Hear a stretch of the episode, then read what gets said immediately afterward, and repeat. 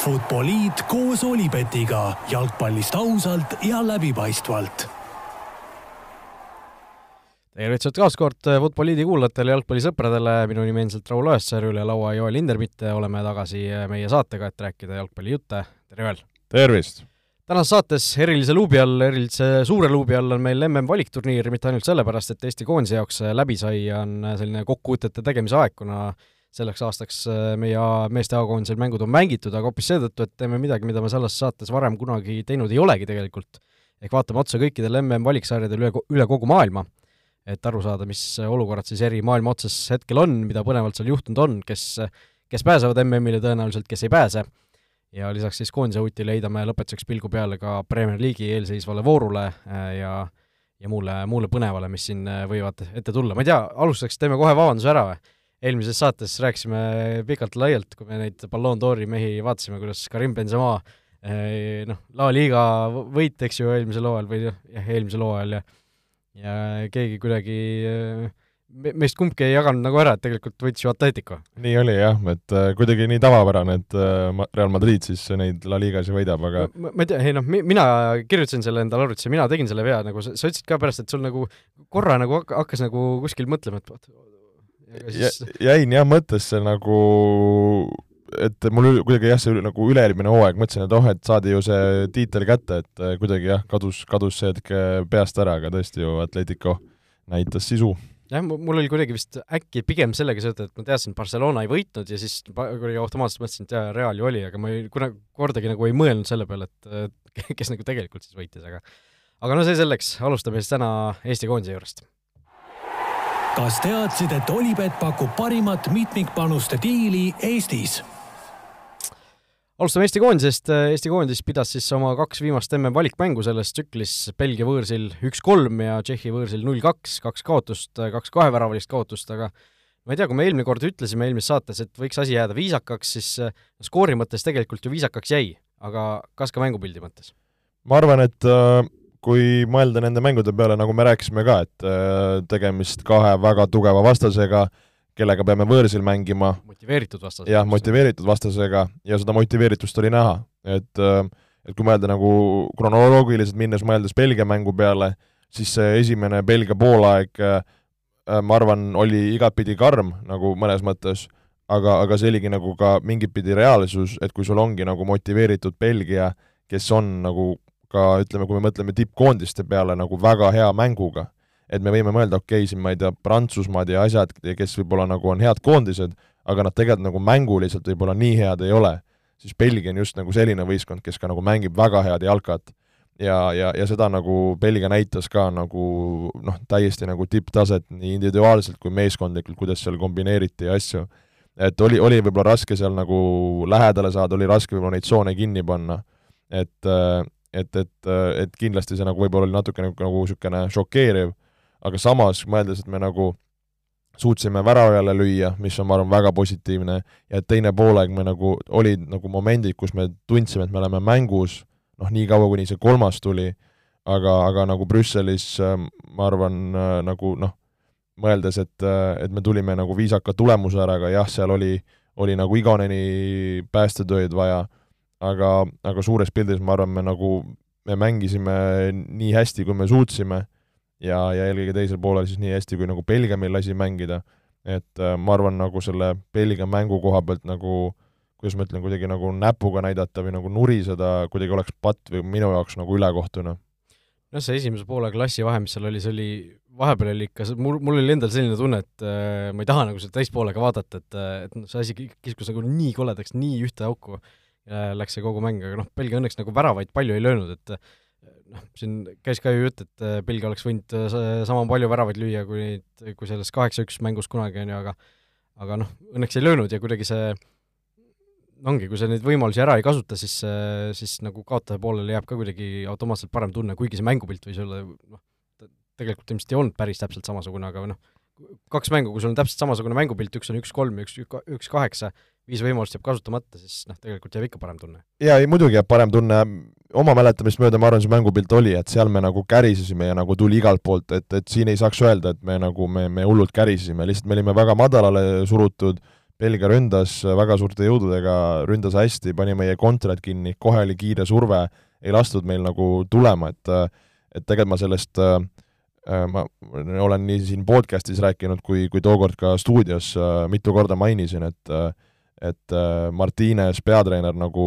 just nagu no jäi nii silma see, et kuidas ta enne Eesti mängu, pärast Eesti mängu, enne äh, siis Brüsseli mängu ja, ja samamoodi pärast mängu, põhimõtteliselt igal pressikonverentsil, kus talle anti sõna, ta mainis Eesti kontraid, Eesti ründajaid, et need on vaja kontrolli alla saada, neile on vaja survet teha. Ja seda oli nagu nende mängupildist näha. Et äh, ja, ja kes võib-olla stuudiot nägi, siis ma nagu üritasin ka seal nagu näidata, et ongi, et kui me selle palli võidame, siis need, see, kui need kiired äh, ründajad teevad kohe meile survet, kaitsjad kohe meie ründajate juures, et see ei ole nagu nii lihtne, et mängi see pikk pall sinna ette ja ja küll me saame nagu kontrasse, et seal oligi näha, et kui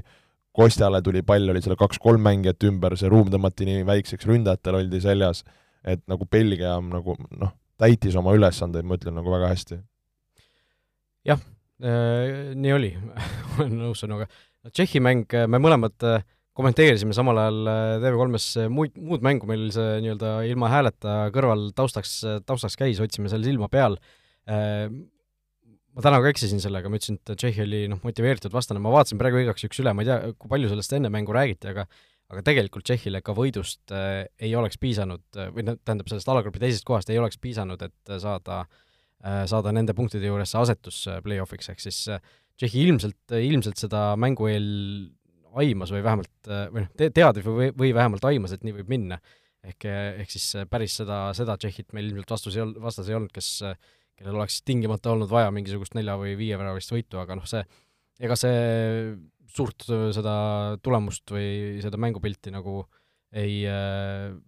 meie poolt vaadatuna ei mõjuta, et tegelikult Eesti tegi nagu päris okei okay ju esituse. ma arvan küll. saime võimalusi ja, ja väga palju võimalusi tegelikult, et kui mõelda neid, palju neid lööke oli, oli mõlemas suunas, et äh, me omasime tõesti nagu niisuguseid ohtlikke šansse ja, ja, ja, ja olime väraval ohtlikud ja ja see mäng oli selline nagu päris äh, noh, ei saa öelda nagu lahtine, aga aga nagu võimalusterohke. ja, ja, ja, ja kuni ma arvan, selle kaks-nullini me noh, jälle, et see, millest me oleme ka nagu rääkinud ja mis selle aasta koondis on näidanud, et me suudame mängus püsida. ükskõik, kas see on kannatades, kas see on olles nagu sama võrdne võrdsega või on see isegi domineerides, vahet ei ole. me suudame mängus püsida. ja samamoodi nii Belgia vastu kui Tšehhi vastu, et kui sul on see üheväravaline kaotusseis, siis on tunne, et me oleme mängus sees ja meil, meil on nagu võimalus midagi püüda. jah, see alati ei tule välja, sest teine võistkond võib-olla teeb mingeid asju paremini või on meist paremad, aga et me oleme sees, et meil ei ole seda nagu selles suhtes nagu mänguliselt seda lootusetuse tunnet, et nüüd ei ole midagi nagu püüda et, äh, et ma arvan, ka nagu Tšehhi vastu oli seal ju see Zenjovi superšanss, äh, noh, on üks-üks, oleks hoopis teine tera, eks. et, äh, et selle koha pealt nagu, nagu, nagu jah, et, et kahju jah, et ei, ei, suutnud seda nagu mänguks seal pöörata. aga jaa, õnne, õnne korral ma arvan, oleks olnud nagu varianti küll ja, ja, ja tõesti ma rõhutan, et Tšehhi ei ole nagu päris suvakoondis, mis arvatakse, et võib-olla on, et, et see on väga-väga hea koondis ja nad näitasid ka seda EM-il et, äh, et see, see, see on, see on tugev koondis, ma ütlen. noh, sa ütlesid tegelikult hästi, et see üheväravaline kaotus seis, et sa oled nagu mängus sees ja kogu aeg on selline tunne, et midagi võib juhtuda, on ju, et et kui ma mõtlen äh, kas või tagasi selle samale Eesti-Tšehhi mängule, kus, äh, kus me noh, ma tegelikult ju mängu ei saanud vaadata, aga see kogu aeg käis seal taustal, vahepeal viskas pilgu peale, mis toimub, siis kogu aeg oli see lootus nagu sees, et kui, kui noh, kui midagi juhtub ka, siis noh, vaatad, äkki, äkki saame midagi kätte, on ju, et oleks seal null kolm olnud, siis oleks noh, selline noh, tuleb, siis tuleb midagi, on ju, lööme mingi auvärava või ei löö, et noh, Belgia vastu ka see üheväravaline kaotusseis ju noh, korra püsis, on ju, noh, kui me ühe tagasi lõime, aga aga, aga siis Belgia sai kohe selle teise, teise ja muutis nagu asja enda jaoks natuke mugavamaks, et et see, aga noh, seal Belgia mängus ka sellegipoolest, kui see Sorga värava, värav tuli, siis paar minutit oli seda tunnet küll, et oh, nüüd oleme tagasi sees, et äkki midagi tuleb, on ju. jaa, just et see on noh, lihtne jalgpallitõde muidugi, aga noh, sellest Tšehhi mängust rääkides, Baskotšile virutati ju jalaga näkku esimese värava ajal. no veidi veider oli see, eks ta natukene ka ise seal selle mängija nagu ära kaotas või, või lasi nagu valele poole ennast minna ja, ja noh, natukene kõrge jalg oli, ausalt öeldes ma ei, ma ei, noh, muidugi Eesti prillidena vaadatuna ütled, et see on viga, aga samas endise kaitsemängijana ja, ja Maxile selles suhtes ma nii-öelda soovitaks või, või, või annaks nagu julgustust, et seal tuleb olla nagu no sellest mehest ise seal natukene parem või oma positsiooni paremini valida või suuta seda palli nagu varem rünnata, et ei tekiks sellist momenti, kus sa oled seal nagu varel pool mängijat ja tal on võimalus natukene nagu kookida. et äh, et jah, ma isegi, ma ei tea, ei ole siin kohtunikelt äh, kuskilt uurinud, et kas see, kas see nagu reaalselt oli, noh, varju ei sekkunud, ma arvan, see ei olnud see päris see clear and obvious ka nagu, et, et, et jah jah, jah, äh, seal see Zenjovi löök, see tõrje sellele tuletas mulle meelde seda, et äh, ma ei tea, kas sa nägid ühte klippi, mis oli Iirimaa ja Luksemburgi mängust, kus Iirimaa väravat tegi täiesti uskumatu tõrje. ma nägin seda stopp-kaadrit või seda pilti kuskilt posti kõrvalt tõi ära. ja, ja kuidas noh, see pall nagu keeras, keeras täpselt mingi rikošetiga vist oli, keeras, keeras täpselt niimoodi posti kõrvale ja siis äh, väga ilusa sellise efektse tõrjega tõi, tõi asja ära aga noh, Eesti, Eesti koondis, äh, nagu öeldud enne, lõpetas koondise aasta sellega, Toomas Häberli esimene, esimene aasta siis koondise peatreenerina, kuidagi tundub, et ta oleks nagu seal juba kauem olnud, aga tegelikult on ainult äh, noh, isegi vähem kui üks aasta, on ju. aga mulle tundub, et sellist üksmeelt selle suhtes, et Eesti jalgpallikoondise peatreener teeb head tööd, ei ole nagu ammu olnud, et nagu praegu jaa, see, see on päris tõsi, et äh, ei ole siin neid äh, kiibitsejaid, ei ole neid vingujaid, ei ole neid siin mingeid äh, naljahambaid kommentaatoreid, et äh, et selle koha pealt äh, tõesti kuidagi nagu see aura jalgpallise ko-, koondise ümber, noh, millest me oleme ka rääkinud, et, et see on jälle nagu tagasi ja selline nagu lootus või ootus on, on olemas, et see see, see peab olema ja, ja me peame nagu jalgpalliringkonna nagu ma arvan, ka kokku hoidma ja, ja fännidena. et, et selles suhtes ma arvan, seda tuge on, on nagu tunda ja, ja selle võrra ka nagu meeskond, ma arvan äh,, mängib ja, ja, ja töötab nagu paremini, et, et ma arvan küll, kui mõelda selle nagu aasta peale, kui kui kirjus on olnud alates sellest nagu koroona kevadest, siis äh, ja nendest mängudest, siis Balti turniirist ja nüüd nendest nagu äh, valikturniiri mängudest, et ta on olnud jah, tõesti nagu hästi eriilmeline, et meil ongi olnud seal nagu omasuguseid väga tugevaid ja, ja kõike seda ja, ja kõigest sellest me oleme tulnud nagu ma arvan, nagu üsna väärikalt läbi ja, ja võime ka selliseid nagu suuri ärakukkumisi ei ole olnud. ja, ja just see, et me oleme nagu nendes mängudes sees olnud, et ma arvan, see on ju äh, mis, mis ma arvan, võib-olla kõige nagu rohkem siit kaasa võtta äkki on. Jah, ja tegelikult see neljas koht alagrupis äh, ka ju selline ees eesmärk sai täidetud tegelikult, mis meil võib-olla selline miinimumeesmärk oli, et äh, mitte viimaseks jääda, Valgevenet me suutsime edestada, hoolimata sellest, et me Valgevene vastu ju võõrsil pidime mängima selle koroona koosseisuga ja sealt saime kaotuse. Et äh, selles suhtes äh, kokkuvõttes tubli töö ja loodetavasti see annab meile mingisuguse parema asetuse ka järgmiseks MM-valikturniiriks ehk et äh, saab, saab paremaid, paremaid vastaseid ehk mängitavamaid vastaseid järgmine kord. aga noh, Eestist oleme rääkinud siin saates küll, läheme siis vaikselt edasi selle MM-valiksarja rubriigi juurde, noh, tänane nii-öelda ainurubriik ta on. kas teadsid, et Olipet toetab FCI Levadiat?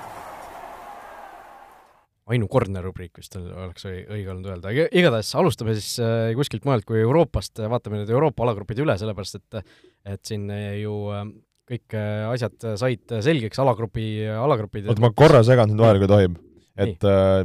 ma just vaatasin siin kalendrisse kuupäevi, siis aasta ja kolme päeva pärast on MM-i avamäng jah, kusjuures ma eile vist mõtlesin selle peale, et peaks vaatama, et mis kuupäeval see täpselt algab, et äkki me oleme kahekümne esimene november, jätke meelde kahekümne esimene november, seega aasta ja kolme päeva pärast algab meil jalgpalli EM, MM, vabandust. Jah, ja kestab detsembrisse välja, et advendi, advendikalendrit saab samal ajal kommi võtta, kui äkki tulevad mingid jalkakalendrid, et saadki jah, kuidagi. kusjuures äh, väike reklaam Jalgpalliliidul täna, tänavu tuli ju advendikalender välja, kus on igasugused huvitavad pildid peal, nii et äh, ja väga, väga maitsvad šokolaadid kuuldavasti, nii et tasub, tasub endale hankida. Äh, aga see selleks, äh, võtame siis Euroopa selle valiksarja ette, kümme alagruppi äh, Euroopas ju teadupoolest olid, kiirelt vaat-, vaatame need läbi, võtame huvitavamad asjad ette. A-grupis kohe läkski huvitavaks, sellepärast et Portugal, kes oli selle grupi suur soosik, oskas siis viimases mängus Serbia vastu ära muneda kodus üks-null eduseisu, neil oli vaja vähemalt viiki sellest mängust, aga ei, ei saadud sedagi. Aleksandr Mitrovic seal lõpuminutitel pani peaga palli võrku, oli peaga või oli jalaga? nurgalöögist, jah. seal jah, tagumisest postist igatahes. ja, ja saates siis serblased äh, taas MM-ile, Serbia koondis äh, noh, EM-il mängis viimati siis aastal kaks tuhat, kui neil oli tehniliselt ka veel noh, Montenegro ja Kosovo küljes, eks ju, MM-idel, aga noh, vaata, et järjepidevalt nagu kohal, et täiesti nagu fenomenaalne selles suhtes, et EM-ile ju pääseb kakskümmend neli võistkonda tänapäeval. Nad ei ole kumbki, kumbki kord, kui kakskümmend neli on saanud, ei ole Serbia sinna pääsenud, aga MM-ile, kus pääseb kolmteist Euroopa riiki, siin, seal nad on kohal väga veider ja, ja ma ütlen ausalt, et no Serbias ju neid äh, mängumehi on, kes, kes äh, kelle, nagu kelle otsa võiks vaadata, aga kui oleks pidanud nagu arvama, et kas, kes nagu edasi pääseb, siis oleks nagu pannud puhtalt Portugali peale, et selles suhtes suur kiitus Serbiale ja, ja äge, äge, äge nagu selle koha pealt. No Portugal tõesti kirub väga seal ju peatreener Fernando Santos, sedasama meest, kes kaks tuhat kuusteist neile EM-tiitli tõi väga kaitsva mänguga, kes, kes noh, endiselt mängib Portugaliga sellist väga kaitsvat mängu, kaitsest lähtuvalt ja ja noh, Serbia vastu väidetavalt lõigati selle, sellega näppu, noh ma ise seda mängu konkreetselt ei näinud, aga aga seal ikkagi kor-, konkreetselt nõutakse Santose pead, aga kuuldavasti loodetakse siis, või noh, tähendab, mitte ei loodeta, vaid Portugali jalgpalliliit kavatseb Santosega jätkata vähemalt kuni selle play-off'ini, mis nüüd no tunduks loogiline, et sul play-off'ina on ju veel šansud olemas, et kui sa hakkad seal juba asju väga pea peale pöörama, siis, siis võid endale nagu näppu lõigata no Cristiano Ronaldot MM-i ei taha tegelikult ju, olgem ausad, noh see ilmselt on tema viimane MM ja noh, kui see, kui ta välja jääks sealt, siis noh, tohutult kahju oleks, minul küll vähemalt. igatahes äh,, ma just mõtlesingi, et kui me lähmegi edasi nende järgmiste alagruppide juurde, et äh, mul on tunne, et need äh, siis need play-off'id, siis ütleme, teise koha võistkonnad ja kes seal need sinna, need Nations League asjad juurde tulevad,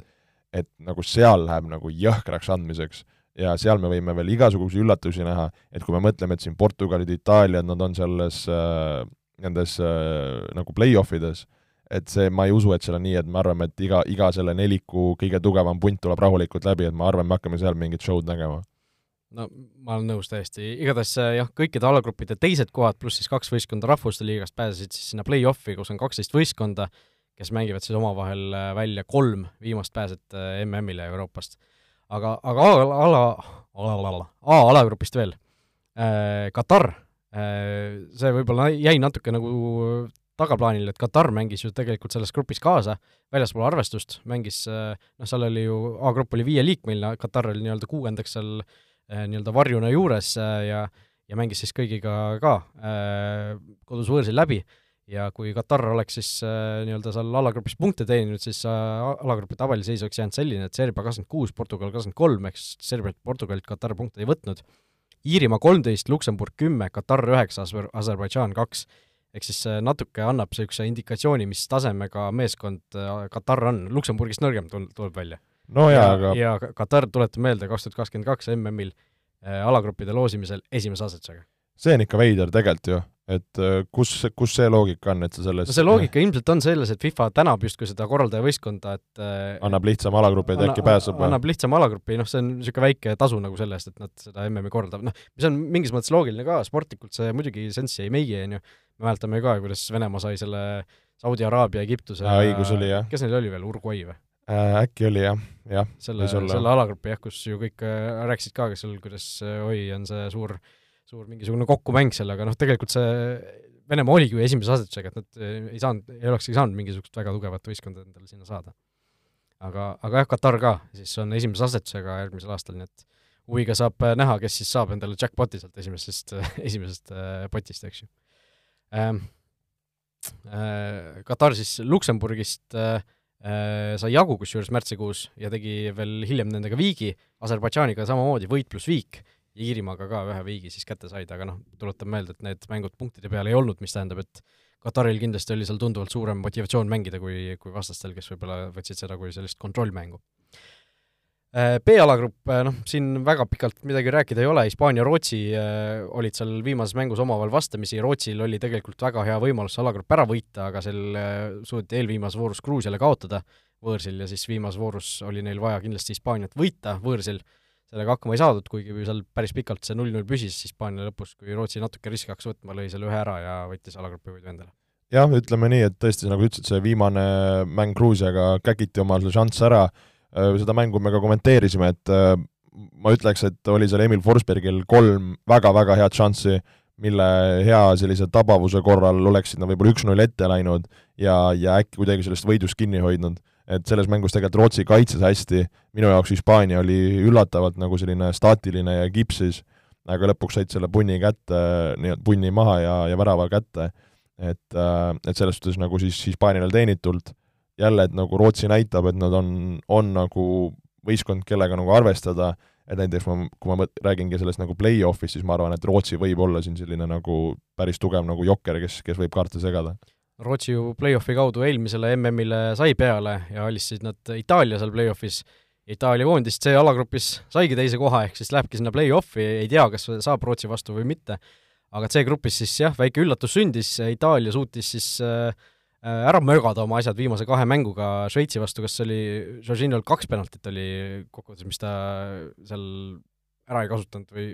või on mul valesti meeles praegu? minu andmetel üks viimane, viimasel minutil lõi seal üle aga no Itaalia viimasest viiest mängust, mis nad mängisid, neli viiki, üks võit ja üks võit siis äh, Leedu üle, et suutsid mängida kaks korda äh, Šveitsiga viiki, ühe korra Bulgaariaga ja siis see viimane mäng äh, Põhja-Iirimaaga, kus, kus nagu Itaalia oli no nii kehv, et mitte midagi ei õnnestunud, rünnakul ei suudetud midagi teha, muidugi Põhja-Iirimaa mängis kodus ka väga visalt, et tuleb kiita, aga, aga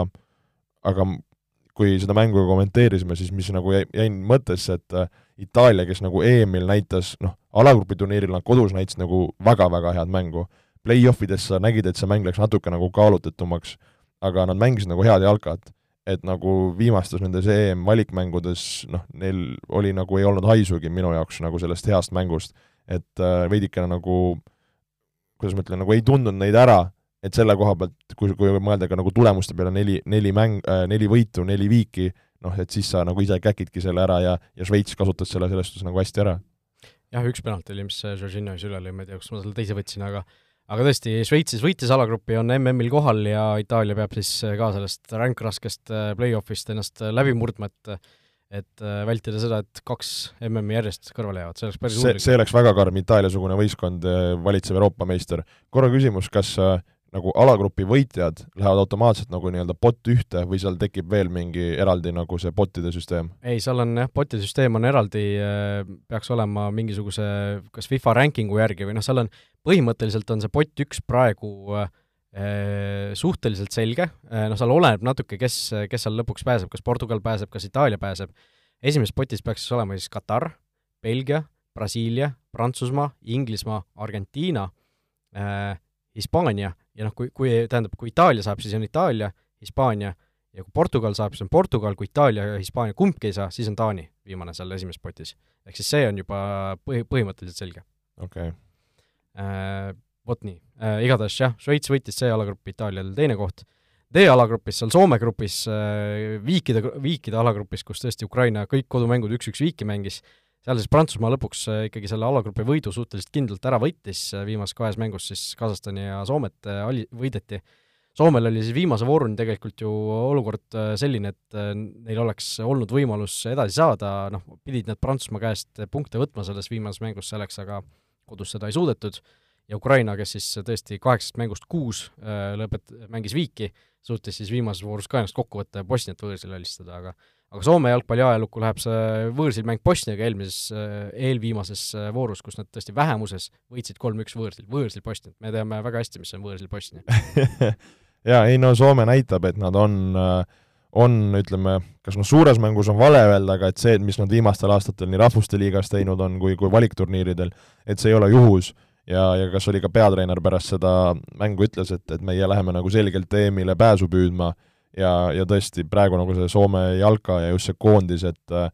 et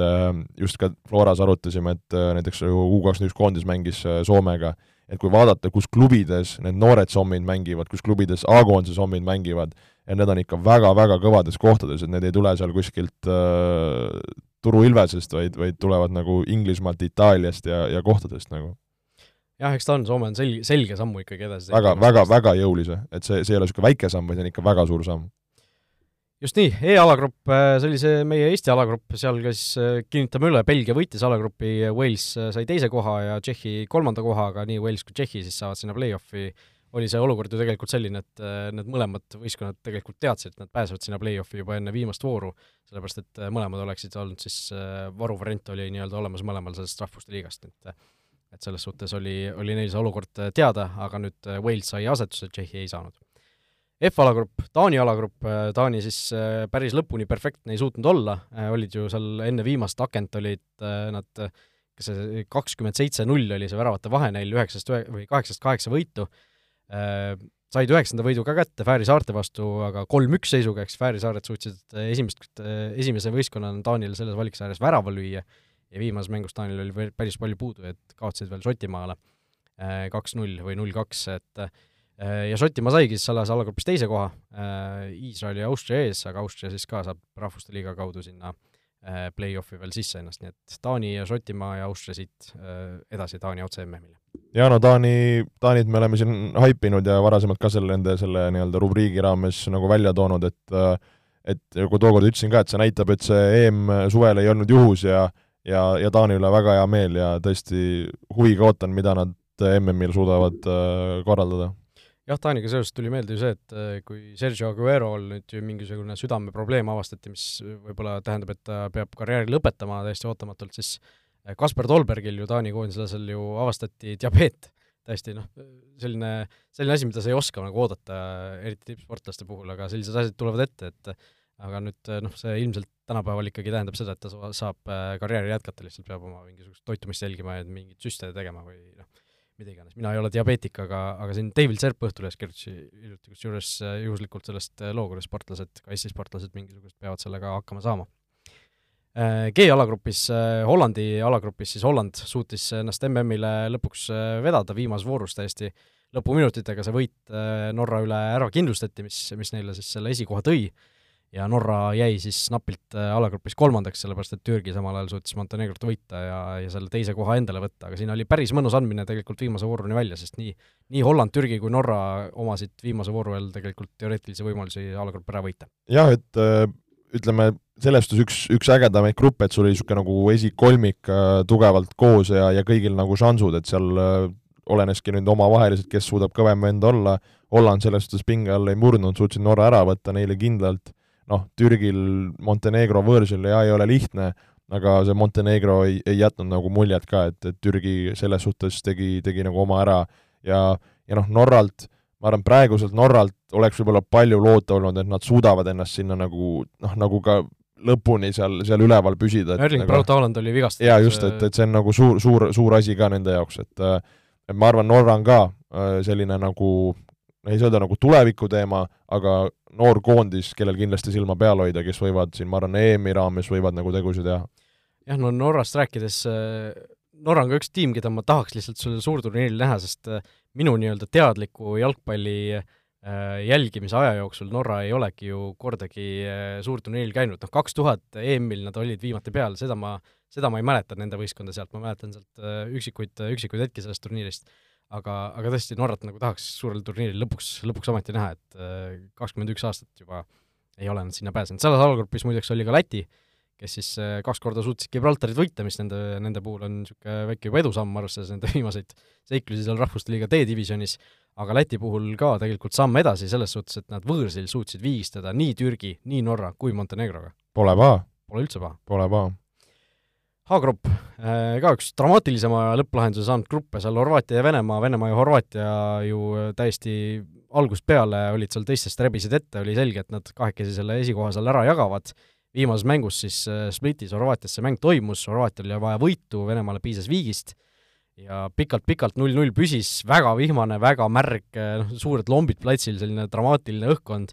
ja noh, dramaatiliselt see ka kulmineerus, sest äh, Fjodor Kudrašov lõi seal oma värava, kes oli kaheksakümne esimesel minutil, mis siis Horvaatia saatis MM-ile. ja no see mäng nägi välja selline, nagu sa ütlesid, et niisugune väga vihmane, väga sopane, pall ei liikunud, jõhker võitlus, Venemaa lihtsalt, no ütleme, terve mängu kannatas seal, väravat tegi väga hea partii ja Horvaatia surus ja surus ja ei saanud ja ei saanud, kuni siis oligi lõpuks oma mees selle palli sinna väravasse oksendas, et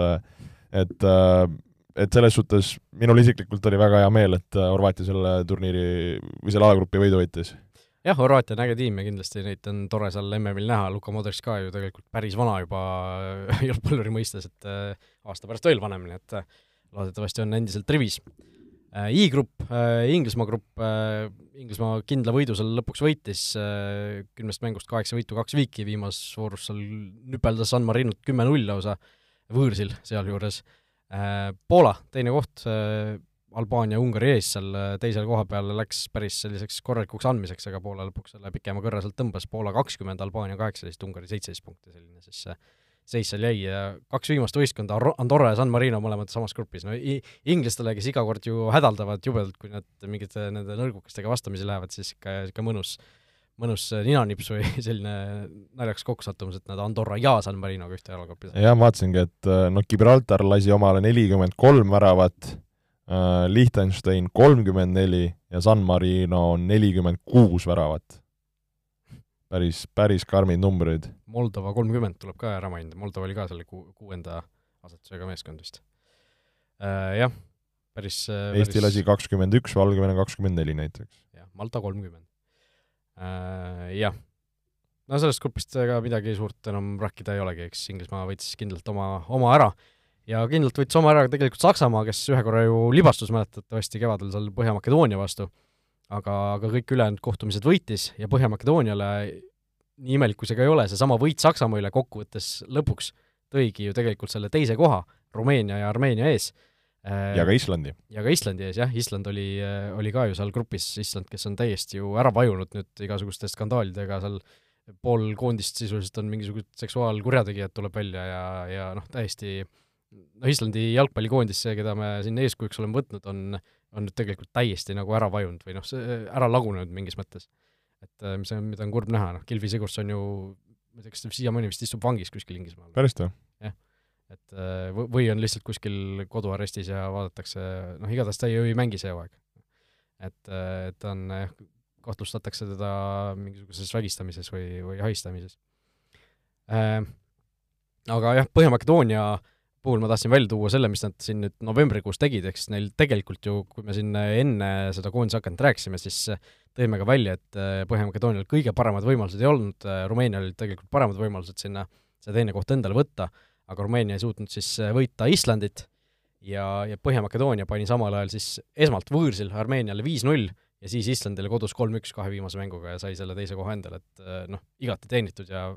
väga äge, et nad sinna jõudsid. päris, päris sürr, et äh et nagu nii, nii võimsalt ja kindlalt, okei okay,, noh, sellest kindlalt on võib-olla vale öelda, aga aga, aga nagu me tookord mainisime ka, et siin ju natuke aega tagasi nendega nagu Rahvuste Liigas mängisid, ei, ei tundunud nagu nii, nii hirmkõva punt, aga samas oli näha, et seal nagu klassi on ja, ja olid nad ju eks ju EM-il ja, ja nüüd, nüüd nagu võetakse ennast sinna play-off'i, et äh, see, see näitab, et tegemist on päris, päris nagu noh, ütleme hea võistkonnaga. jah mina ju ennustasin neid alagrupist edasi EM-il, nii et ja, õigus. ma pean vist seda liini jätkama ja ennustama neid äh, ka MM-ile siis koha peale. Äh, aga jah, Euroopas ootab siis veel ees märtsikuine siis äh, teine voor või play-off ja näeb see siis selline välja, et meil on kaksteist tiimi, kes sinna on pääsenud, kuus neist on asetatud, need on Portugal, Šotimaa, Itaalia, Venemaa, Rootsi ja Wales. Ja, ja kõigepealt siis kahekümne kuuendal novembril, eks juba järgmisel nädalal äh, tuleb siis, äh, on järgmine nädal, jah, on ikka järgmine nädal, järgmine reede, äh, tuleb siis loos ja loositakse siis nelja kaupa need võistkonnad sellistesse play-off puudesse. Ja asetatud tiimid siis saavad poolfinaali mängida kodus ja, ja finaal siis tuleb loosiga, kes, kes seda võõrustab, et et seal päris selline päris põnev on, need mängud on ühemängulised või noh, need paarid on ühemängulised, ehk siis üheksakümmend minutit otsustab kõik, vist ka sada kakskümmend vajadusel, ja penaltiseeria, aga noh, nagu nägime tegelikult ka Euro kaks tuhat kakskümmend kvalifikatsioonis, need samasugused play-off'id tulevad, need, need pakuvad draamat äh,, pakuvad põnevust ja ja kui meil on Portugal ja Šot- või Portugal ja Itaalia, kaks suurt, tõeliselt suurt võistkonda, kelle MM-ile pääs sellest kõigest sõltub, siis see muudab asja veel äh, veel magusamaks ja Portugal Itaalia tehniliselt, teoreetiliselt võivad sattuda ka niimoodi, et nad peavad seal finaalis omavahel vastamisi. ma just tahtsingi öelda, et seal võib seda juhtuda, et äh, see, see nagu bracket jookseb või see puu jookseb nagu kokku, et äh, no see loos on jah, nagu annab, annab aimdust, aga aga kõik on sellised pundid, kes nagu noh, võivad ju ütleme, ütleme võit, nagu selle nii-öelda võidu peale mängida, noh Põhja-Makedoonia ilmselgelt võib-olla kõige, kõige lahjem, aga ärme hakka neid nagu siin neile liiga tegema. Ja, ja no ülejäänud tegelikult võivad ju Austria ka tegelikult tegi yeah. väga nõrga valiksarja, et et ma neid ka võib-olla paneks... ja Türgi ka võib-olla isegi, minu isiklik, sest ma ei, ma ei ole, Türgi näitas EM, jah, näitasid EM-il ennast äh, nagu kehvasti, et jah, et Türgi, Austria, Põhja-Makedoonia on võib-olla need kolm siis, keda noh, võiks nagu natukene sealt äh, maha kriipsutada. Ja, ja võib-olla siis kõik tiimid loodavad, et nagu seda, aga ülejäänud kõik on nagu päris tummine. Jah, kusjuures seal on üks huvitav nüanss, on see, et Venemaa on asetatud, Ukraina ei ole asetatud ja UEFA või FIFA, ma ei teagi, kumb seda korraldab, ega igatahes kinnitas, et äh, neid kahte omavahel vastamisi ei loosita, mille peale siis äh, naljahambad on juba välja pakkunud, et äh, Türgi ja Erdogan, kes seal, Türgi on ju asetamata, võiks kiirelt igaks juhuks siis Portugalile, Itaaliale sõja välja kuulutada. Et siis neid sealt esimesest, esimesest spotist vältida, aga aga tõesti, kaheteist võist-, kaheteist, kaheteistkümnest võistkonnast ainult kolm pääsevad edasi, nii et äh, väga, väga kihvt äh, see tuleb ja tasub seda järgmise reede loosimist äh, igatahes oodata. vot nii, Euroopas, Euroopast nii palju, läheme edasi kolmepalli ehk siis Lõuna-Ameerika juurde. Olipetis on parimad suurliigade vastasseisude kohvid Lõuna-Ameerika valikturniir on alati selles suhtes äge, et noh, kuigi seda nagu ei jõua jälgida, sest see on samal ajal, kui need Euroopa koondise mängud, need mängud on öösiti tihtipeale, siis tegelikult äh, mulle see formaat väga meeldib, sest seal on kümme võistkonda, need kõik mängivad kõigiga kodus ja võõrsil läbi, suur liiga, noh tegelikult nagu selline korralikud meistrivõistlused, eks ju. nii nagu olema peab. jah, ehk kaheksateist mängu, kaheksateist vooru pealt selgitatakse siis neli paremat, kes saavad otse MM-ile ja viies koht siis Lõuna-Ameerikast saab siis äh, pileti sinna kontinentide vahelisse play-off'i, millest me siin täna veel ilmselt äh, korduvalt veel räägime, aga mis tähendab siis seda, et äh, neli võistkonda, ehk siis Aasiast üks, Lõuna-Ameerikast üks, Põhja-Ameerikast üks ja Okeaaniast üks mängivad siis sel aastal või noh, sel korral need mängud juunis, mängivad siis omavahel välja kaks edasipääset, kes MM-ile pääsevad, ehk siis loositakse nad lihtsalt kahte paari äh,. Igatahes jah, see Lõuna-Ameerika valiksõel on selles suhtes päris tihe, et äh, seal on ju väga palju neid tugevaid tiime ja ainult neli pääseb otse edasi ja juba on selge see, et Brasiilia ja Argentiina, kes, kes on äh, seda väga hästi alustanud, mõlemad kaotuseta endiselt kolmeteist mängu järel, äh, on siis edasipääsu endale ju kindlustanud, kusjuures teised võistkonnad on kõik ühe mängu rohkem mänginud, sellepärast et tuletan meelde, see Brasiilia-Argentiina mäng siin mõni aeg tagasi, mis äh, kulmineerus siis sellega, et Brasiilia terviseamet tormas platsile ja hakkas seal mingeid argentiinlasi vahistama, see mäng on endiselt mängimata ja ja väga võimalik, et seda ei, ei ei hakatagi pidama, sellepärast et eh, mõlemad võistkonnad on juba edasipääsu kindlustanud, midagi see enam ei, ei muuda otseselt. aga Brasiilia-Argentiina selja taga toimuvad päris huvitavad sündmused, sellepärast et neljateist vooru järel, kui neli mängu on ainult veel jäänud, on kolmandal kohal päris kindlalt, kusjuures kuuepunktilise eduga Ecuador, eh, mis on noh, Ecuador on äh, varem käinud suurturniiridel, aga, aga see, et nad niivõrd, äh, niivõrd kõrgel on, on ikkagi päris korralik üllatus, arvestades seda, et seal noh, väga tuntavaid mängijaid ju tegelikult eurooplastel ei ole, Antonio Valenciat seal enam ei ole, Enner Valencia küll on ründaja, eks ju, ja noh, võib-olla Jordi Caicedo äh, tuleb siin mõnele eestlasele tuttavale, tuttav ette sellepärast, et ta on Karol Metsa tiimikaaslane Sofia CSKA-st, aga väga palju Euroopa mängijaid seal tegelikult ei ole. jaa, päris uhke, kakskümmend kolm punkti neil ja ja kui vaadata nagu, mis koondised seal nagu nende taga praegu punkt punktis tulevad, siis, siis äh, see heitlus on, on tummine. aga noh, Ecuadoril sama, samal ajal on mängida veel kodus nii Brasiilia kui Argentiinaga nende nelja mängu sees. jah, ütleme nii, et, äh, et see kolmas kuni ütleme seitsmes koht, et ütleme siis niisugune no võib-olla isegi Boliivia siia sisse, et ütleme, kuus, kuus võistkonda tegelikult siin nende viimase, viimaste mängudega võivad siin nagu tõusta-langeda, et kui me, kui sa siin need ka, ma arvan, nagu ette loed, et siin nagu isegi nagu harilikuga on neid praegu raske sisse kirjutada, et siin üks võit võib siin nagu nii palju kergitada ja langetada. jah, neil siis neliteist mängu mängitud, Ecuador kakskümmend kolm, Kolumbia seitseteist punkti, Peruu seitseteist punkti, Tšiili kuusteist, Uruguay kuusteist ja Boliivia viisteist ja veel noh, lõpus veel Paraguay kolmteist ja Venezuela seitse, selline on see alagrupi seis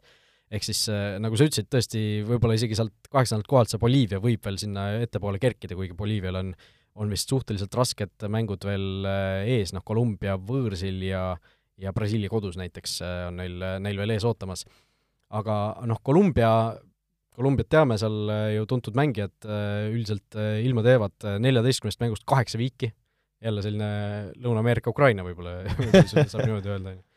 väravate vahe miinus üks, kusjuures, kuigi nad on seal esinelikus sees. ja noh, Peruu äh, viiendal kohal hetkel seal siis äh, seda interconfident, interconfederation play-off kohal ja aga Tšiili ja Uruguay hetkeseisuga jääksid siis välja ja, ja Tšiilil veel ees võõrsil Brasiilia, kodus Argentiina, ehk siis kaks väga rasket mängu nendest neljast, ehk siis Tšiili tundub, jääb MM-ilt välja. no hetkeseisul võiks nii öelda, aga ma räägin, et kuna see Ehm, Lõuna-Ameerika need mängud ja, ja tulemused on alati nii ettearvamatud, siis ma, ma tõesti isegi ei oska siin nagu anda favoriidi koormat, noh, fakt on see, et raske, samas kui võib-olla Brasiilia, Argentiina on, on nagu sellest, neil on nagu Jah, neil on- lebos suits sees, eks ju, et, et võib-olla seal nagu läbi selle Tšiili nagu tuleb niisuguse marulise taht-, tahtmisega, et et äh, mina isiklikult nagu väga just ootan äh, Lõuna-Ameerika satside panust äh, MM-i või noh, MM-il. et kui me nagu EM-il oleme näinud, et äh, just Euroopa, noh, nii-öelda nagu Euroopa puntide seas, see mäng on niisugune nagu tasakaalukas ja, ja, ja niisugune nagu rahulik ja niimoodi, siis minu arust alati need Lõuna-Ameerika pundid oma niisuguse ägeda jalkaga, niisuguse ründava jalkaga nagu lisavad nii palju vürtsi sinna, et, et sellest ma nagu just huviga jälgin, et kes meile lõpuks sinna tulevad, aga, aga nagu jah, oot-, ootan neilt palju nagu. noh, me siin saate eel korra rääkisime ka sellest, et äh, kui palju on nagu igal maailmajal kohti tegelikult MM-il ja ja arvestades seda, milline tase on Lõuna-Ameerikas, siis tundub tegelikult veider, et Lõuna-Ameerikal ja Aasial on täpselt sama palju kohti MM-il, neli, neli koma viis, ehk siis neli otse ja üks läheb sinna play-off'i. võib-olla siis igaks juhuks mainige, et kuidas need kohad jaotatud on? jah, no Katar on eeldatavasti siis viimane MM, mis on ju meil kolmekümne kahe võistkonnaga, esiteks tuleb sellest alustada, aga aga Euroopal siis kohti kolmteist, kõige rohkem muidugi, Aafrikal on viis kohta, ehk siis äh, järjekorras teine, noh Aafrikas on ka hästi palju tiime, arvestades seda, et Lõuna-Ameerikas on ainult kümme võistkonda, kes nendele pretendeerivad, see on äh, oluline asi, mida meeles pidada. Aasial ja äh, Lõuna-Ameerikal siis mõlemal neli koma viis kohta, ehk siis see koma viis tulebki sellest, et üks, üks võistkond pääseb siis sinna play-off'i, kus siis võib, aga ei pruugi edasi pääseda. Põhja-Ameerikal on kolm koma viis kohta ja Okeaanial null koma viis, ehk siis Okeaanial, Okeaanis lihtsalt mängitakse selle peale, milline võistkond saab sinna play-off'i koha et ookeanist võib äh, MM-il olla esindaja, aga ei pruugi. aga, aga tõesti, selline, selline siis äh, jaotus on ja Katar, kes siis kuulub Aasia alla, sinna Aasia nelja koma viie sisse ei, ei lähe veel, nii et nemad on äh, korraldajana niikuinii sees, siis Aasiast tähendab, on meil vähemalt viis, viis meeskonda MM-il. Vot nii, Lõuna-Ameerikast midagi veel, vist, vist mitte, tõesti huvitav saab siis olema näha, kas Tšiili ja või Uruguay suudavad siis viimastes voorudes ennast sinna äh, ettepoole, ettepoole murda. Läheme edasi Aafrika juurde. kas teadsid, et Olipet on Eesti spordiennustajate esimene valik? Aafrika puhul tasub võib-olla natuke avada seda valiksarja formaati pisut, sellepärast et äh, palju eurooplased ikka seda Aafrika asja jälgivad, samal ajal kui meil endal mängud käivad, et viiskümmend neli meeskonda siis Aafrikas äh, valiksarja alustas ja alustas siis äh, kakskümmend kaheksa nõrgemat, äh, alustasid seda niimoodi, et mängisid siis omavahel play-off'i, et selgitada välja need neliteist, kes pääsevad edasi siis sinna nii-öelda põhiturniirile või alagrupi turniirile, ehk siis neljateistkümne nõrgema meeskonna jaoks Aafrikas piirduski siis MM-i turniir kahe mänguga vaid, kui nad selle esimese vooru kaotasid ja see toimus juba kaks tuhat üheksateist lõpus, eks enne, enne koroonaaega tegelikult, mis tundub, tundub nagu nii ammu või nii äh, nii pikka aega tagasi, aga, aga ülejäänud nelikümmend, kes siis sinna edasi pääsesid, äh, jaotati siis kümnesse neljaliikmelisse alagruppi ja siis äh, kõik mängivad seal kaks korda kõigiga läbi, äh, mis tähendab, et see selline põhi, põhiosa valiksarjast toimub just nendes väikestes alagruppides. Ja see turniir saigi nüüd just läbi muideks, nii et kümme alagrupi võitjat, ainult alagrupi võitjad siis edasi järgmisse ringi pääsevad, see ei tähenda veel MM-ile pääsu, vaid järgmisse ringi pääsu alles ja vaatan need äh, kõik grupid äh, kiirelt äh, või põgusalt läbi või noh, mis seal olulist võib-olla on. Alžeeria A-grupis, noh, Alžeerial ju teadupoolest Riyad Mahrez, Sofiane Feguli, Islam Slimani, Said Benrahma tuntuvatest mängijatest ei tohtinud siis viimases mängus Burkina Fasole kaotada, nemad siis kaks-kaks viiki mängisid ja said siis noh, üle noatera tegelikult edasi. Burkina Faso sealjuures mängis siis oma kahe parema meheta, Bertrand Traore Aston Villast ja Äh, Lassina Traore Donetski Šahtarist, kumbki kohal ei olnud, seal olid vigastustega probleemid, aga Alžeeria siis äh, teenis koha seal järgmises ringis, B-grupis äh, Tuneesia sai edasi ka seal päris, päris lõpuni välja, oli, oli seal asjad lahtised, aga aga suutsid siis Ekvatoriaalguinead alistada, Tuneesia on ka edasi, C-grupis Nigeeria ka väga lõpu peale jäi seal, Cabo Verde oli nende suurim äh, suurim äh, konkurent Roheneme saared siis, kusjuures äh, viimases voorus oli äh, Nigeerial vaja kaotust vältida Cabo Verde vastu, tegid üks-üks viigi, ehk siis ka ikka päris napilt. Noh, Nigeeria Osimhenne ja asju me natuke teame paremini, neid mängijaid, Cabo Verdel võib-olla üks mees, kes, kes tasub välja tuua, Belgradi partisani ründaja Ricardo Gomez muideks, nii et väga hea vend, väga hea vend oli. tuleb järgmine nädal Eestisse. jah, väga hea vend saame Cabo Verde jalgpalli nautida, aga noh, ta on nüüd äh, vihaks, vihaseks aetud, sest Cabo Verde ei saanud edasi, nii et hoi- väike hoiatus, IT-hoiatus. D-grupis äh, viimases voorus oli väga suur duell Kameruni ja Elevandiluu ranniku vahel, ehk siis kaks tõesti Aafrika jalgpalli ju äh, suurt giganti. minu suur Aafrika lemmik Cote d'Ivoire jäi siis null-üks alla ja langes seega konkurentsist, Kamerun pääses edasi, Kamerunis teiste seas siis väravaid on löönud seal Erik Tšupo-Moting ja, ja teised Kameruni ässad, aga aga ka seal on üks Flora alagrupi kaaslane, Genti kaitsja Ngadeu Ngadjui on see oli jõhker koll keskkaitses, niisugune minust ka kaks korda suurem vend või? isegi sinust. okei. E-grupis Mali, kus siis mängib tõesti hulgas kaks Adama Traoreed, aga mitte ühtegi seda Vulsi Adama Traoreed, sai siis suhteliselt kindla võidu seal Uganda, Keenia ja Rwanda ees, ehk siis kes jah, Uganda ja Rwanda on ju täiesti naaberriigid seal, Keenia on ka seal päris, päris koos, nii et et selline ühe piirkonna alagrupp see oli äh,. Äh, Mali sai siis sealt edasi, F-grupis Egiptus,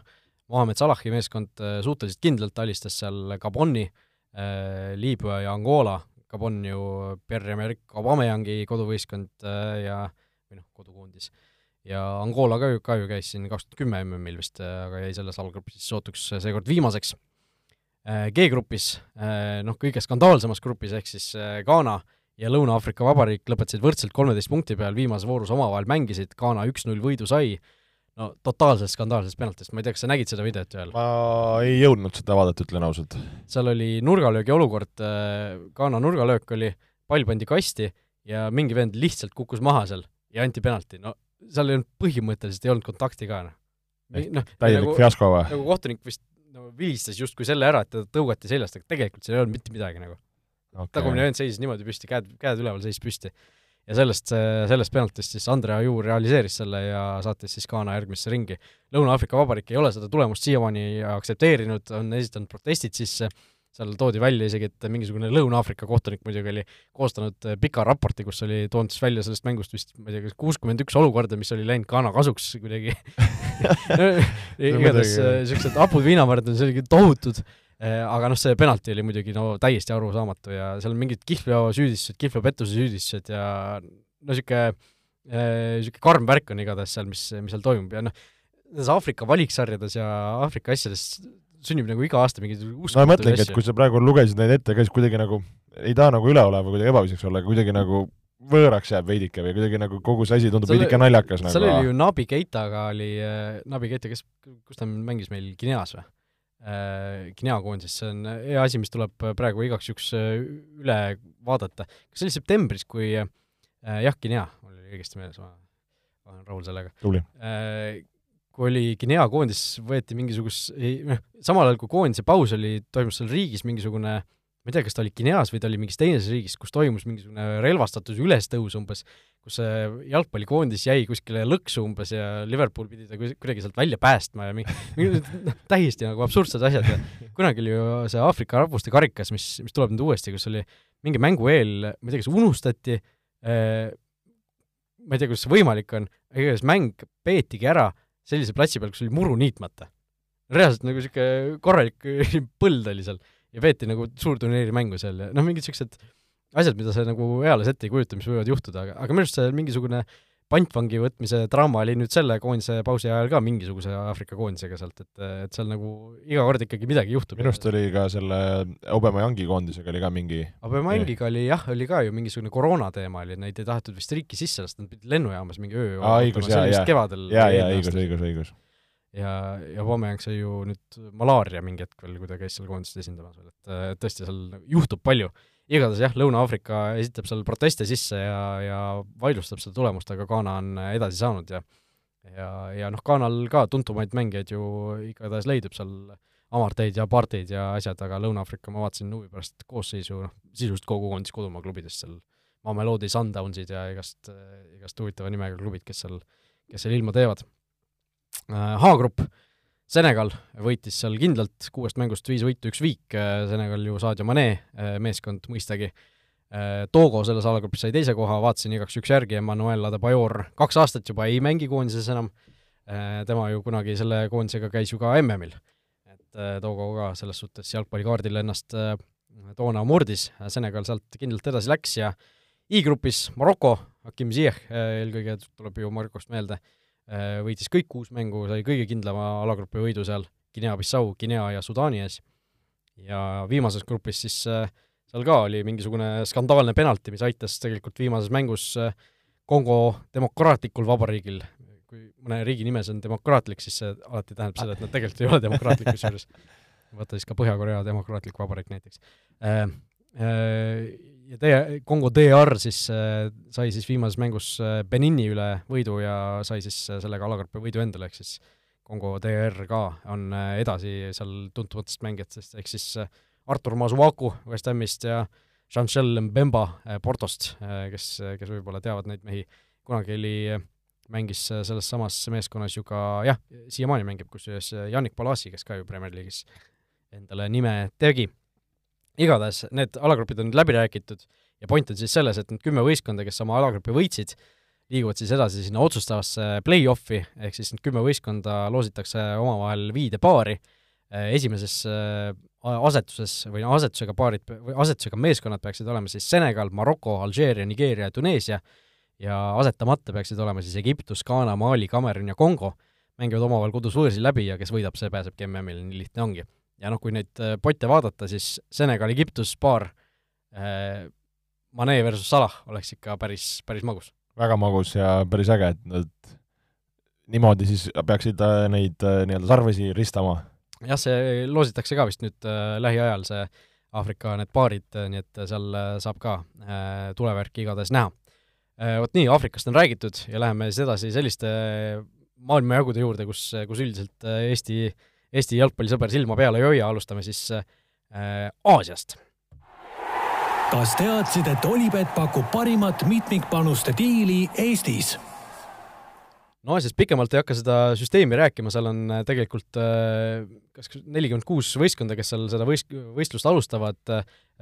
seal on esimesed ringid, kus need nõrgemad võistkonnad mängivad, aga põhiline nii-öelda turniir algab siis tegelikult kolmandas ringis, mis on siis praegu käimas, ei ole veel lõppenud, kus siis moodustatakse, moodustatakse kaheteistkümnest tugevamast tiimist kaks kuueliikmelist alagruppi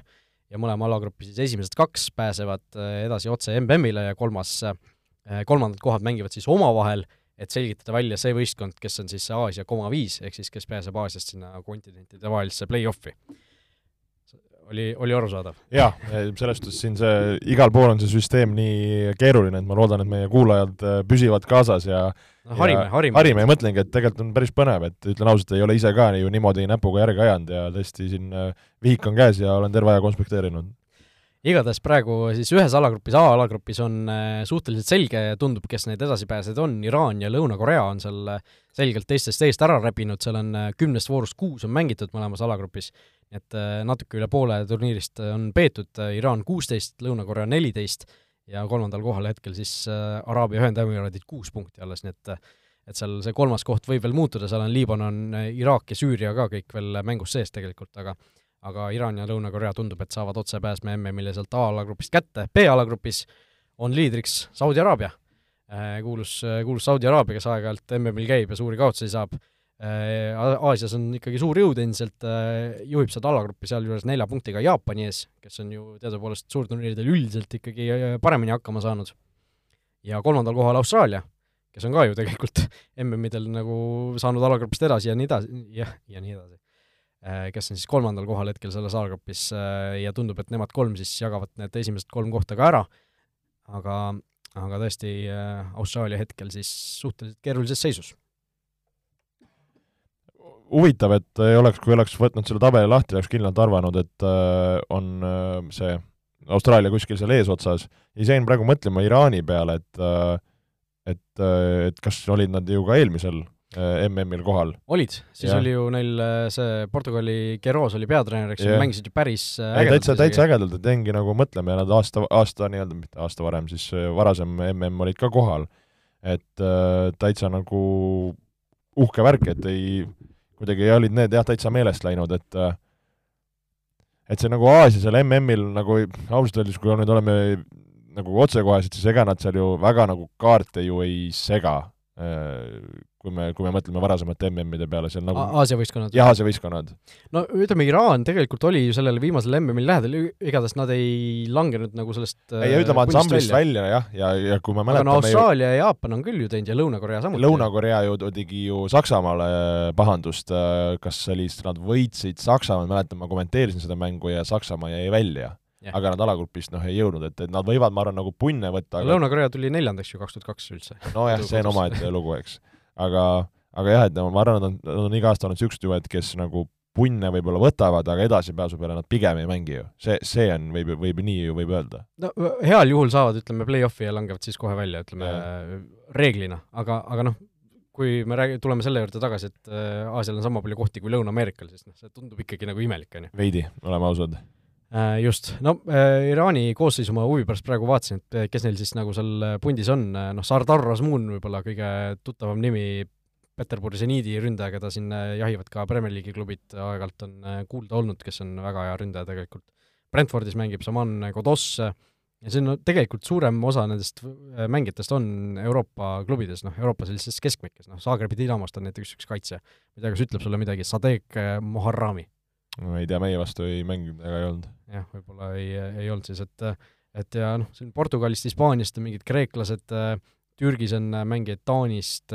Belgiast, noh, Inglismaalt, Ukrainast, et seal tegelikult on päris niisugune asjalik tiim Iraanil, Iraanil olemas. nii et tõesti Aasias siis hetkel selline seis, et tundub, et edasi lähevad Iraan, Lõuna-Korea,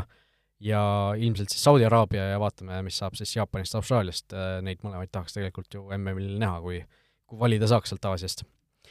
äh,. Edasi läheme siis CONCACAF-i juurde, mis, äh, mis CONCACAF on meil Põhja- ja Kesk-Ameerika jalgpalliliit siis vist, et kõik, kõik, mis sealt Lõuna-Ameerikast põhja poole jääb, ühesõnaga on, on CONCACAF-i käes ja seal on ka tegelikult äh, päris mitu sellist eelringi äh,, ja, ja lõpuks siis jõutakse selle kolmanda ringini, mis on äh, kõige olulisem äh, turniir, äh, seal on siis kaheksa tugevamat võistkonda on sinna jõudnud, kuus, kuus riiki vist või, või viis riiki on need, kes saavad sinna otsepääsme varasemate nii-öelda asetuste pealt. Ja ülejäänud kolm siis tulevad, kas ma nüüd ajan midagi sassi, kolm, kolm tükki tulevad sinna juurde, aga aga justkui ku-, jah, ikka vi-, viis, viis tükki oli asetatud ja kolm tükki tulevad sinna siis e-, eelringidest juurde.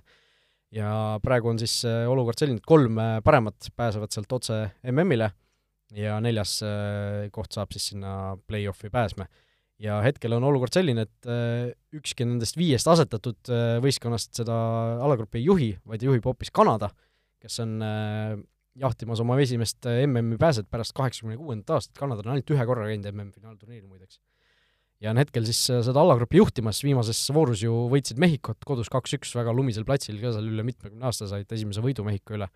ja praegu Alfonso Davise ja, ja paljude teiste äh, Kanada jalgpallurite jaoks see olukord paistab päris hea, sellepärast et neljateistkümnest voorust mängitud kaheksa, ehk siis ka natuke üle poole, ja no kui sa allagrupi juhid, siis on see olukord ikka päris, päris hea, aga samas esinelik on ülitihedalt koos. Kanada kuusteist, USA viisteist, Mehhiko neliteist, Panama neliteist punkti, siis tuleb juba väike vahe, Costa Rica üheksa. et äh, Kanadal hetkel seis väga hea, aga seal on veel oi kui palju minna. no oi kui palju minna, noh kas nüüd suudetakse kinni hoida sellest, pigem isegi võib-olla arvaks, aga jäin just mõtlema siin, et Panama, Costa Rica, et äh, kas Costa Rica oli meil üks aasta, oli see Jokker või? Oli, Costa Rica oli kaks tuhat kümme oli see vist, kus nad Inglismaa, nad olid ju surmagrupis yeah, oli Inglismaa, Itaalia, Uruguay ja läksid sealt umbes kolme võiduga edasi. mingi, mingi hullumeelne asi oli, et, et siit, siit alati tuleb niisugune mõni ka äge punt, kes nagu kaarte segab, et et noh, Mehhiko on alati olnud, Mehhiko, ma arvan, on, on, on nagu äge, kui Kanada saaks, oleks ka äge, noh, USA pigem on ka olnud, aga kuidagi minu jaoks nagu USA jääb kogu aeg niisugune nagu grammikese nagu lahjaks, ei või? No sa ma ütlen MM-i kontekstis. no eelmisel MM-il nad üldse ei pääsenud, see oligi suur äh, traagika nende jaoks, aga, aga tegelikult kui sa praegu USA koosseisu peale mõtled, siis seal on ju päris palju äh, ägedaid mängijaid, noh, City värava, Zack Steffen, eks ju, saab sinna puuri panna, Deandre Jedlin on äh, noh, juba vana mees, aga ka mänginud ju Premis pikalt praegu Galatasaray's, noortest meestest seal on veel ju äh, tohutult ägedaid vendi, Tyler Adams Leipzigist, seal on äh, Pulisic ka ju. Pulisic, eks ju, Chelsea'st, jah seal on äh, see Timothy Veh, äh, kes on Lillis, seal mängib ju Barcelona see ääremängija, test või? test jah, Serginho test. Ja, ja seal on äh, noh, päris häid mängijaid No veel, ikkagi- Matt Miazga, kes on siin äh, Chelsea's olnud ja Weston McKennie Juventusest, eks õigus jah, et tegelikult niisuguseid noori ägedaid tõusvaid ja, ja tähti kõik nagu on noored, kõik jaa, on noored. sellest on äge. et äh, jah, USA-le nagu mingis mõttes hoiaks isegi pöialt, et noh, Giovanni Reina jäi ju, läks ju veel meelest ära praegu ja ja noh, Josie Altidor oli neil ka kunagi, ma ei tea, kas ta enam koondises mängib, aga kolmekümne, kolmekümne kahe aastane, et see Clint Dempsey tuleb, teeb ka konksu seal. Landon Donovan aga, ei jah, USA koondise tulevik tu-, tundub, tundub olevat äge ja Mehhikol on siin, tundub natuke raskusi, et Mehhiko tavaliselt sellest, sellest äh, alagrupist on ju suhteliselt äh, kergelt, või noh, mitte kergelt, aga, aga kindlalt läbi läinud. aga jah, Panama, kes ju käis ka kaks tuhat kaheksateist MM-il, on praegu selles suures mängus endiselt sees. nii et äh, vaatame, mis, mis seal saab, no kusjuures seal USA ja Jamaica mängisid ju viimases mängus üks-üks viiki, ma ei tea, kas sa nägid seda, mis Mihhail Antonio seal tegi, Mihhail Antonio Inglismaa koondisse teda ei võetud, siis hakkas Jamaica eest mängima.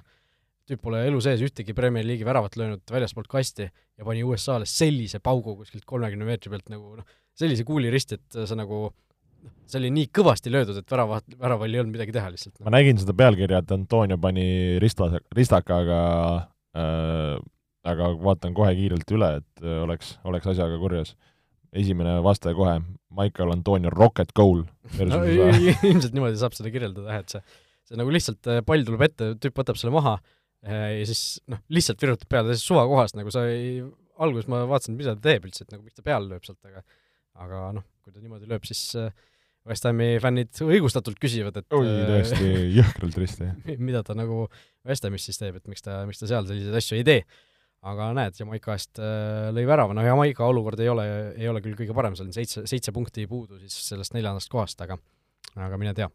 no lõpetuseks võtame veel Okeaania ka ette, sellepärast et see, see, seal siis ka äh, ju üks äh, nii-öelda poolik koht mängitakse välja. Ja Okeaanias räägit-, rääkida on praegu seda, et MM-valikturniir ei ole veel alanud äh, seal üldse. Ja ei tea siiamaani keegi, mis formaadiga, kuidas see käib. MM-ini on meil üks aasta aega Covidi tõttu on siis väga keeruline olnud seal olukord äh,, äh, ei ole suudetud, mitu korda on üritatud, aga ei ole suudetud neid mänge alustada ja siiamaani ei tea, ei teata siis, mis formaadiga lõpuks see asi loosiga. asi kuidagi tehakse. ja seal on üksteist võistkonda, on, on siis need, kes on andnud ennast üles Uus-Meremaa, Saalomoni saared, Uus-Kaledoonia, Tahiti, Fidži, Vanuatu, Papua Uus-Guinea, Ameerika Samoa, Samoa, Tonga ja Cooki saared. Cooki saared äh, on äh, sedavõrd äh, noh, ma ei tea, kas uus või nõrk tiim, et neil ei ole isegi FIFA kohta nagu äh, veel endal olemas. ehk siis äh,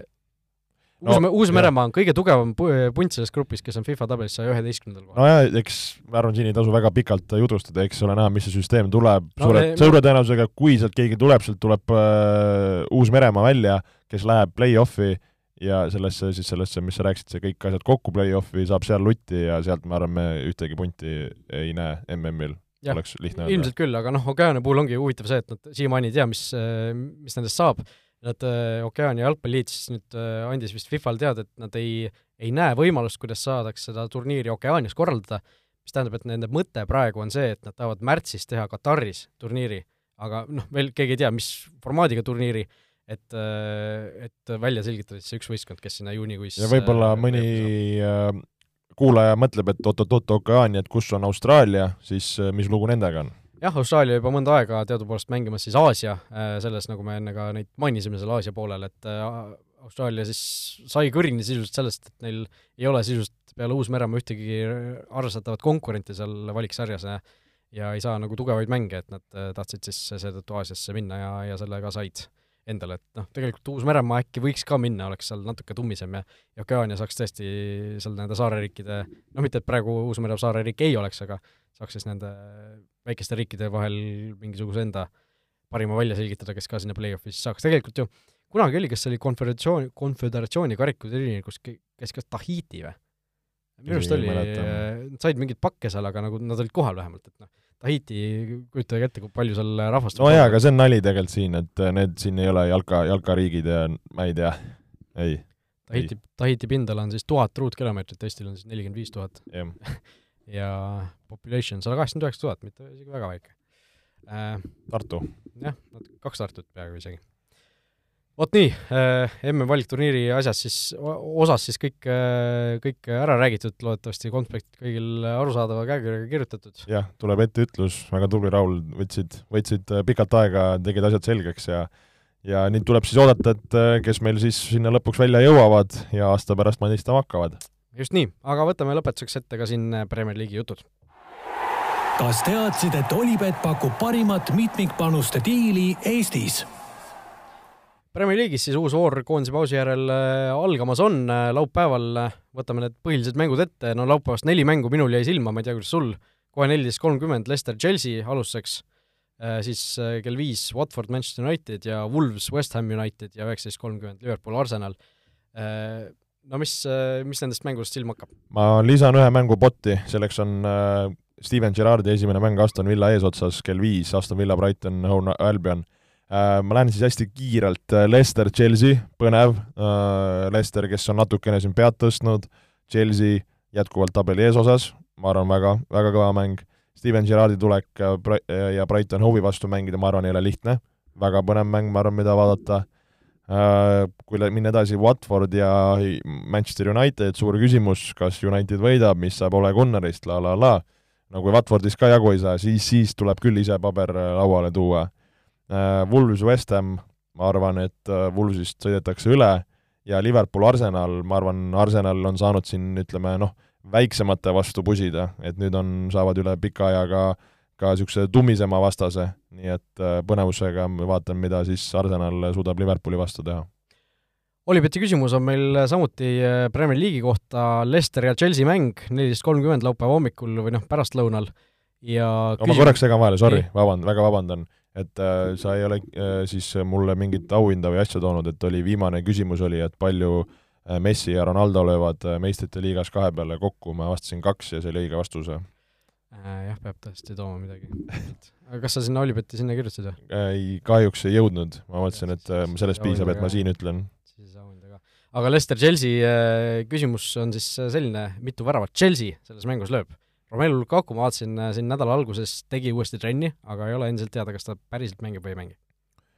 ma arvan, see tuleb pigem kinnine mäng. Ähm, ma ei imestaks, kui Leicester läheb ka seal viiest mängima, kaks viiest kaitseliini omavahel, niisugune veidikene võib-olla luurav ja raske. ma pakun, et ma tahaks öelda üks, mõtlen kahe peale, ma ütlen üks minu pakkumine oleks ka üks, nii et panust, pange oma pakkumine siis Olipet Estonia Facebooki lehele meie viimase saate postituse alla ja kõigile õigesti vastanutele, kes samale mängule vähemalt viie eurose panuse on Olipetis teinud, annab siis Olipet omalt poolt kakskümmend eurot tasuta panustamisraha, ei ole mingit loosi, kõik õigesti vastanud, kes selle tingimuse täitnud on, selle kakskümmend eurot endale saavad. pühapäeval voor lõpeb, kahe päevaga need kõik mängud ära mängitakse, pühapäeval kell neli Manchester City, Everton ja kaheksateist kolmkümmend Tottenham Leeds, no City Everton, vaatasin City ja Evertoni viimases kaheksas mängus, kõik on City võitnud. et äh, siin tundub nagu selline lihtne koht, kus äh, City peaks, peaks selle järjekordse võidu ära võtma. No kes, kes on panustaja, siis nagu jaa, no sinna, sinna suunda see paistab, no Rafa Benitez äh,, teada-tuntud kaitsespetsialist, et kas kas suudab seal City vastu midagi kinni müürida, et äh, no City on, eks ju, siin viimastel mängudes natuke punkte andnud ära, et äh, kindlasti koht, kus nad peavad äh, võitu otsima, ma usuks ka, et City, kuigi mõtleks just selle Tottenhami Leedsi peale ka, mis õhtul on, et äh, Antonio Contel, noh, nüüd on vaja kuidagi neid niisuguseid nagu võite ja häid emotsioone saada, noh, Leeds, noh, üllatavalt äh, kehv olnud siin hooaja alguses, et ka Leedsil oleks vaja kuskilt mingeid punne oodata, et äh, ma arvan ka see võib päris niisugune äge mäng tulla. Et tegelikult on niisuguseid nagu ägedaid mänge selles voorus isegi päris palju või niisuguseid nagu eri nagu ütleme, mitme, mitmekülgseid mänge. jah, tõsi, tõsi, ja noh, tegelikult me ei ole ka maininud ka seda, et ju Norwich äh, ka peatreeneri vahetuse järel Southamptonil kodus vastu võtab, nii et vaatame, kas Teemu Pukki saab endal taas jala, jala paukuma või mitte. Äh, Premier League'i kohta tuli meil üks kuulaja küsimus ka, ütleme lihtsalt, mainime selle ära, et äh, me võtame selle ette järgmises saates, nii et ei ole me seda kuskile ära kaotanud või ära unustanud, ärme hakka kuulaja küsimust praegu isegi ette lugema, et saame, saame sellise põnevuse üle, üleval hoida, ma ei tea, kas keegi on meie saatega nii lõpuni jõudnud ka, et me, me, veel meid kuulab, igatahes selline väike diiser siis järgmises, järgmise saate eel meil on. järgmine nädal eh, oleme loodetavasti millalgi nädala alguses tagasi, sellepärast et Floral on siin neljapäeval ju jälle euromäng jah, Belgradi partisan äh, tuleb, tuleb Tallinna ja tuleb päris, päris kõva andmine, nii et kellel võimalus siin pileteid, ma arvan, natukene veel on, natukene siin ju pandi piirang peale. pandi piirang peale, ma usun, et need veel müüdud ei ole, nii et kutsun kindlasti kõiki staadionile mängu vaatama, ma arvan, seal mõned välisfännid tulevad, kes teevad kõva möllu, nii et et ja ka nädalavahetusel on ju Premium-liigat ja päris, päris põnevaid mänge, nii et äh, ma arvan, olge jalgpallilainel ja nii kodudes telekate ees kui, kui staadionitel. väga ilus, ma ei hakkagi midagi rohkem ütlema, kõike head, tšau! olge mõnusad! vutiviikendi parimad kohvid leiad Olipetist